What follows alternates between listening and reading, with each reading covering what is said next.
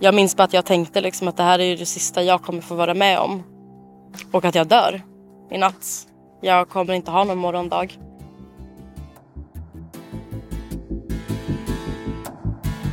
Du lyssnar på Sveriges viktigaste podd, Trygghetspodden. Från din trygghet med Anders Königsson.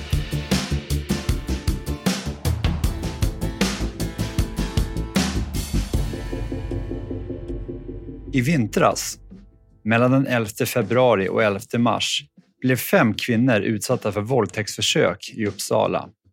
En av dem var Angelica Junhager. Vi träffas en solig dag i centrala Uppsala. Angelica rättar till solglasögonen som hon uppskjutna ovanför pannan och börjar berätta vad som hände henne kvällen den 3 mars. Jag hade varit ute med två tjejkompisar. Vi var på väg till eh, hamburgerrestaurangen Max för att eh, köpa mat innan vi skulle röra oss hemåt. Varpå jag börjar bråka med min pojkvän i telefonen. Så jag bestämmer mig för att röra mig hemåt eh, på en gång.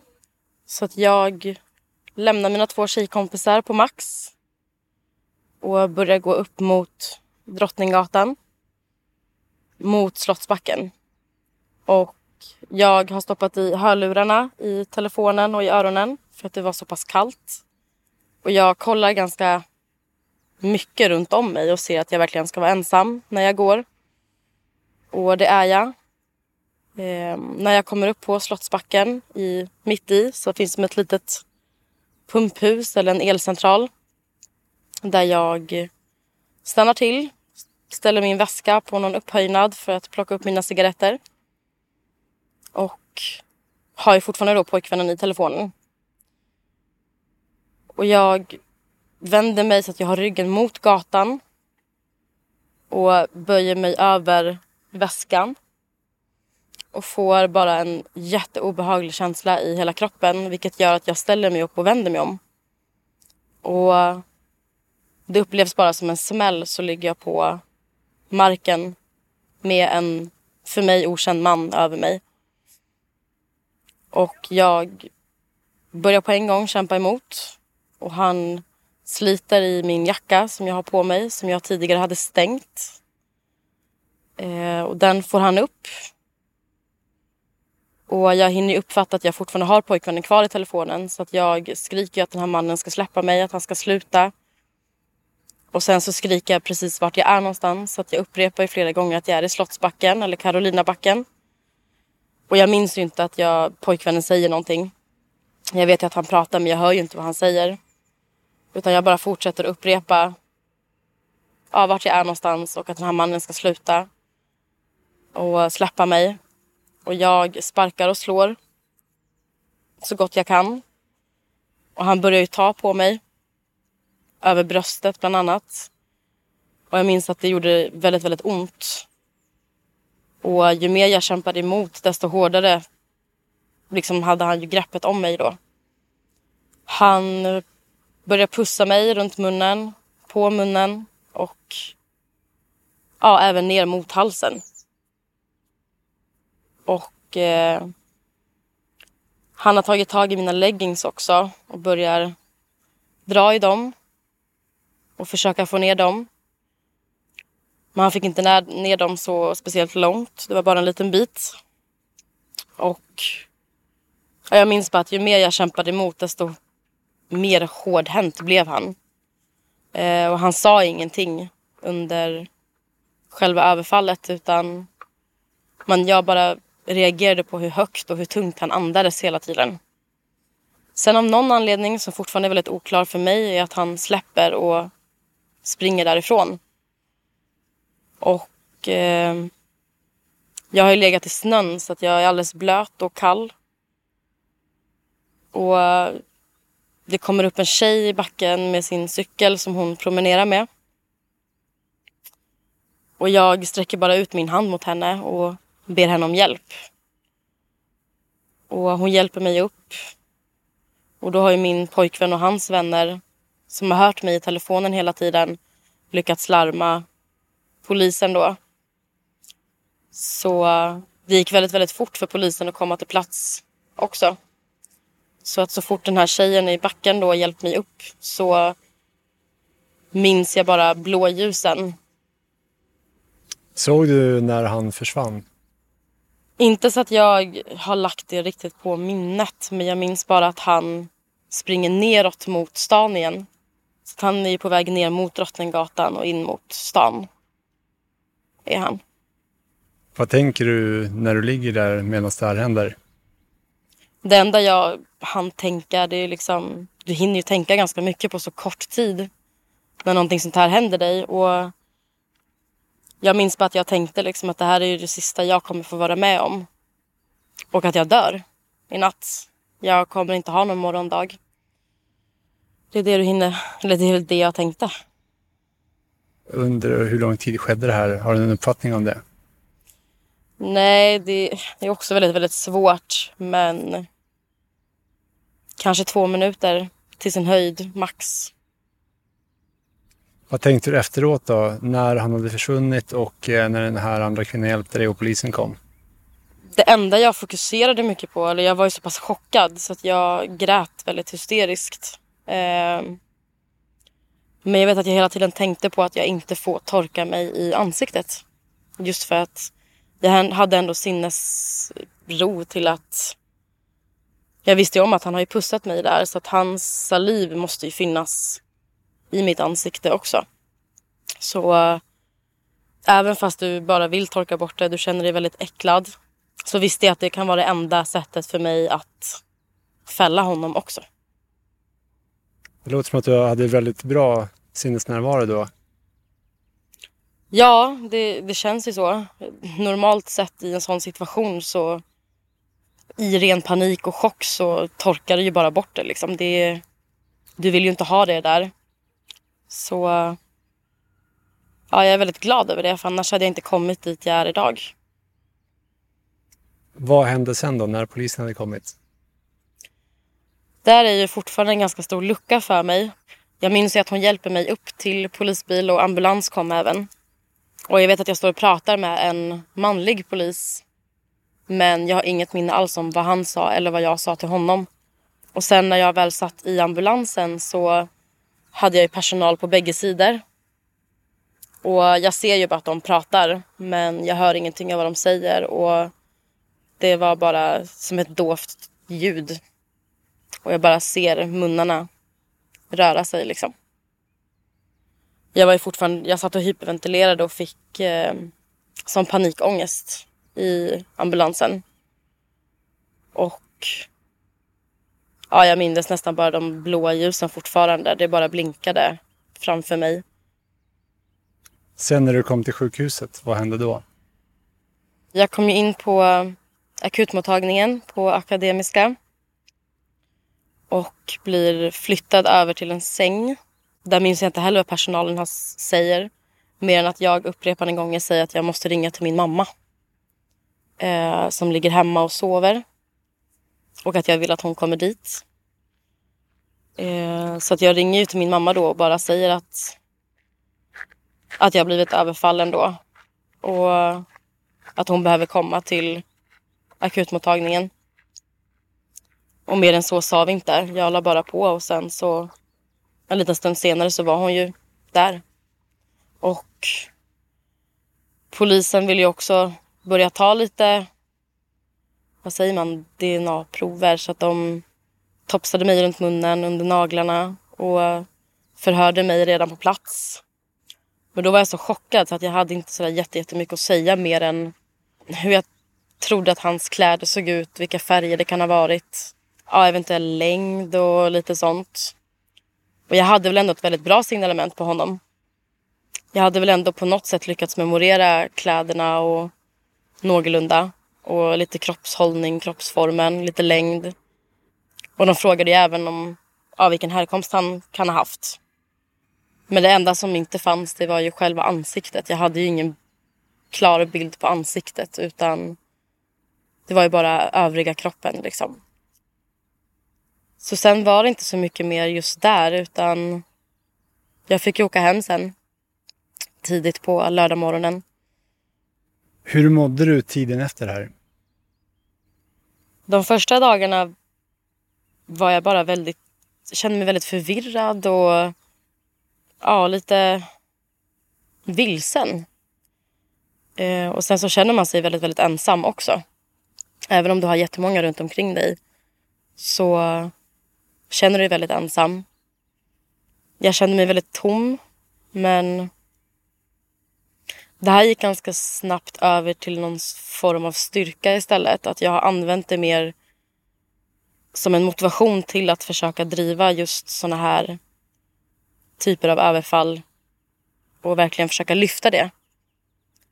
Just för att det är så många andra kvinnor som får stå ut med såna här saker som inte riktigt har rättvisan på sin sida och, och väldigt ofta inte vågar anmäla heller. Jag har absolut inte mått bra men det är inte riktigt de det är inte det jag har velat visa utåt heller utan jag har bara velat visa mig stark stå upp för andra kvinnor och mig själv och försöka visa dem att det är okej. Okay. Det, det, är inte vårt fel att det har hänt. Det, det är inte vi som ska känna skam och att vi någonstans måste våga tro på rättssystemet. Att vi också har rättvisan och kan få den hjälpen som vi ja, behöver i sådana här situationer. Men sen så har jag väl jag själv förbjudit mig att känna. Just för att allting har gått så pass fort med förhör och utredningen och det har varit bildkonfrontation och det, det, allting har gått så himla fort så att jag har inte känt att jag har tid för att känna. Utan jag måste hålla mig stark tills det är över. Och att det är okej för mig att känna då. Polisen grep den här mannen sen. Vad var det som hände? Så som jag har förstått det så, har de, så grep de honom redan ja, på kväll, samma kväll egentligen. Den tredje, eller om det kan ha varit den fjärde eh, mars. Men för då hade de väl sett honom enligt signalementet då som kunde stämma in. Eh, och att han då hade gått samma, samma väg upp på Slottsbacken, eller Drottninggatan och närmat sig en, en tjej som gick där ensam. Och att de då, när han väl hade liksom kommit upp jämsides med henne så hade de ryckt in och tagit in honom just för att han stämde in på signalementet. Men han släpptes ju redan på söndagen igen. Just för i brist på bevis då att de inte kan hålla honom längre. Så han släpptes ju ut igen ungefär samtidigt som jag var där på förhör. Vad var det här för person som hade attackerat dig? För mig är det en helt okänd person. Ehm, det är inte någon som jag känner igen sedan tidigare. Det är en man som kom hit för ungefär två år sedan. Han har ju uppehållstillstånd så även jobbar här. Ja, det är det jag kan säga. Sen blev det ju rättegång här i, i tingsrätten. Vad tänkte du inför den? Jag tänkte inte så jättemycket. Jag kände mest att det var skönt. Allting gick ju så fort också. Händelsen var ju 3 mars och 16 april var ju rättegången då. Eh, så det skulle vara väldigt skönt att det snart är över. Och jag kände mig inte speciellt nervös heller inför rättegången utan jag hade gjort mig ganska mentalt förberedd på det också i och med att jag var på häktningsförhandlingen och just för att jag ville se honom innan själva rättegången och jag vill gärna se vem den här människan är som har valt att förstöra mitt liv egentligen. Så att jag tog mig till häktningsförhandlingen som en vanlig åhörare. Och från att jag klev in genom den dörren så släppte han inte mig med blicken förrän häktningsförhandlingen var slut. Så han kände absolut igen mig. Eh, och det märktes ju ganska tydligt på honom. Och jag tror aldrig att min puls har stigit så högt någon gång i hela mitt liv det var, det var väldigt tufft att se honom. Och jag hade ju däremellan fått reda på hur han ser ut också. I och med bildkonfrontationen så var det ju där en bild jag fastnade på som väckte ganska mycket känslor hos mig. Och det skulle vara väldigt intressant att se då när jag kom in under häktningsförhandlingen och se om det är samma man som jag själv har pekat ut. Bara av att hur det väckte känslor. Så under själva rättegången så kändes det nästan naturligt att faktiskt sitta där. Det är ett väldigt konstigt ord på det kanske, men jag hade ändå gjort mig mentalt förberedd. Jag tyckte inte att det var jobbigt. Utan det som jag tyckte kändes väldigt skönt var att under häktningsförhandlingen när jag bara satt och lyssnade så får jag inte säga någonting. Eh, men nu under rättegången så fick jag äntligen tala direkt till honom. Eh, så att när jag fick berätta min historia eller min berättelse om det som har hänt så valde jag att se honom i ögonen samtidigt som jag pratade. Eh, just för att jag vill, jag vill att han ska titta på mig och förstå vad det är han har gjort. Hur reagerade han på det, att du tittade på honom då? Han tittade en hel del tillbaka också men han väjde undan blicken ganska många gånger om man ska jämföra med vad han gjorde under häktningsförhandlingen. Så ja, delvis så såg han ju mig i ögonen också. Men annars såg han mest väldigt förvirrad ut. Eh, hur gick rättegången? Vad fick han för straff? Eh, rättegången gick väldigt bra, tycker jag. Den gick väl ungefär som jag hade förväntat mig. Jag räknade ju med att, att han inte vinner det här utan jag hade ganska starka känslor om att det kommer gå bra. Och jag har ändå så pass mycket bevis med mig. Bland annat då den här topsningen runt munnen som de gjorde på mig med hans saliv gav ju en, ja, den starkaste graden i, i DNA-bevisningen då. Ja, jag kände mig väldigt säker på att ja, han ska helt enkelt inte bara få vinna med de här typen av brott som han väljer att göra och förstöra andra kvinnors liv. Vad yrkade ni på för straff? Ja, först och främst hade vi yrkat på fem års eh, utvisning. Men även ett år och sex månaders fängelse. Och då plus utöver det ett eh, skadestånd också. Det han fick var ett år och tre månader och ett lägre skadestånd än vad vi hade yrkat på. Hur kändes det för dig? Så ja, i det stora hela är jag väldigt glad att han får ett straff överhuvudtaget. Eh, men samtidigt så känns det ju ett år och tre månader väldigt, väldigt lågt ändå. Eh, och jag tycker absolut att man förtjänar ett högre straff än så när man väljer att göra en sån här typ av gärning. För det här är ändå någonting som kommer följa med mig livet ut. Men ja, han fick ett år och tre månader för det. Blev han utvisad? Nej, det blev han inte. Eh, just på grund av att han, han kommer då från Syrien och de får inte skicka honom tillbaka till Syrien just på grund av oroligheterna som finns där nu. Vad tänker du om det då? Att han inte blir utvisad och han inom en ganska snar framtid snart kommer att vara fri och kunna gå på gatorna igen? Ja, jag har ganska mycket blandade känslor om det. Eh, självklart hade jag väl haft honom utvisad. Det var ju min största önskan för att jag tycker inte att han förtjänar att vara här om han inte kan leva efter våra lagar och regler som vi har. Och jag tycker att han ändå har bevisat egentligen vad han är för typ av människa. Och jag kan inte se varför vi ja, egentligen skulle låta honom stanna kvar här när han faktiskt kommer hit och skapar otryggheter på våra gator. Och jag tror ju inte att gatorna kommer vara tryggare när han kommer ut heller utan jag tror ju snarare att jag tror att det kommer fortsätta som det gjorde innan. Vad tror du att du kommer att känna den dagen du vet att han kommer att bli frisläppt igen? Jag kommer nog känna en ganska stor otrygghet återigen. Eh, jag kommer ja, hinna bygga upp en hel del under det här året. Eh, just för att känna mig lite tryggare igen. Jag vet att han är borta på gatorna, att han inte finns ute bland mig och andra. Och jag tror ju att allt det som jag har kunnat bygga upp under det här året kommer ju att raseras den dagen han väl är ute igen. Samtidigt så vill jag ju inte låta honom skrämma mig heller. Jag vill ju inte behöva känna rädslan. Men den är väl ganska oundviklig, eh, tror jag. Hur har det här påverkat dig och ditt liv? Det som hände?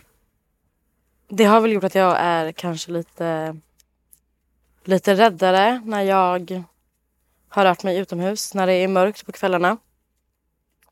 Eh, och jag ser gärna till att vara hemma innan det blir mörkt. Eh, alternativt att min pojkvän får komma och plocka upp mig där jag är. Eh, hämta mig sena kvällar på jobbet för att jag inte vill ta mig hem själv. Och Eh, och man är väldigt vaksam. Du har väldigt stor koll på din omgivning. Du ja, analyserar egentligen varje människa du går förbi. Så helt klart har det ju påverkat en ganska, ganska mycket egentligen. Det är tröttsamt att gå och tänka så mycket varje dag och du ska ha koll på allting och väldigt ja, stor koll på omgivningen och varje person du går förbi. Hur känner du inför det då, att ditt liv har blivit så pass påverkad av det här? Ja, det är väldigt ledsamt då att det såklart begränsar mitt liv ganska mycket. Ehm, jag har ju alltid känt mig väldigt, väldigt fri. Men nu kan man känna sig ganska instängd. Du har inte riktigt, du har inte kontrollen längre som du har haft innan. Hur ser du nu på det här med sexualbrott? Straffen för sådana här brott är ju väldigt låga och, ehm, och jag tänker ändå då att med tanke på att det ändå händer så pass ofta, det är ju minst en gång om dagen, det är ju många fler om dagen som utsätts för eh, sexuella trakasserier, övergrepp, överfall och jag tycker att vi borde ha kommit betydligt mycket längre än vad vi har gjort.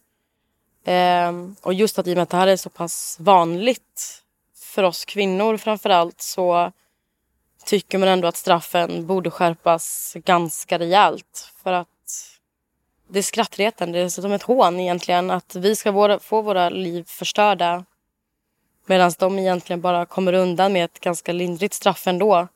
Eh, en väldigt kort period av deras liv. Men vi ska tvingas att leva med det här för resten av våra liv. Vi kommer aldrig kunna komma ifrån det. Vi kanske kan må bättre med tiden och med åren. Men det kommer ju alltid att finnas med.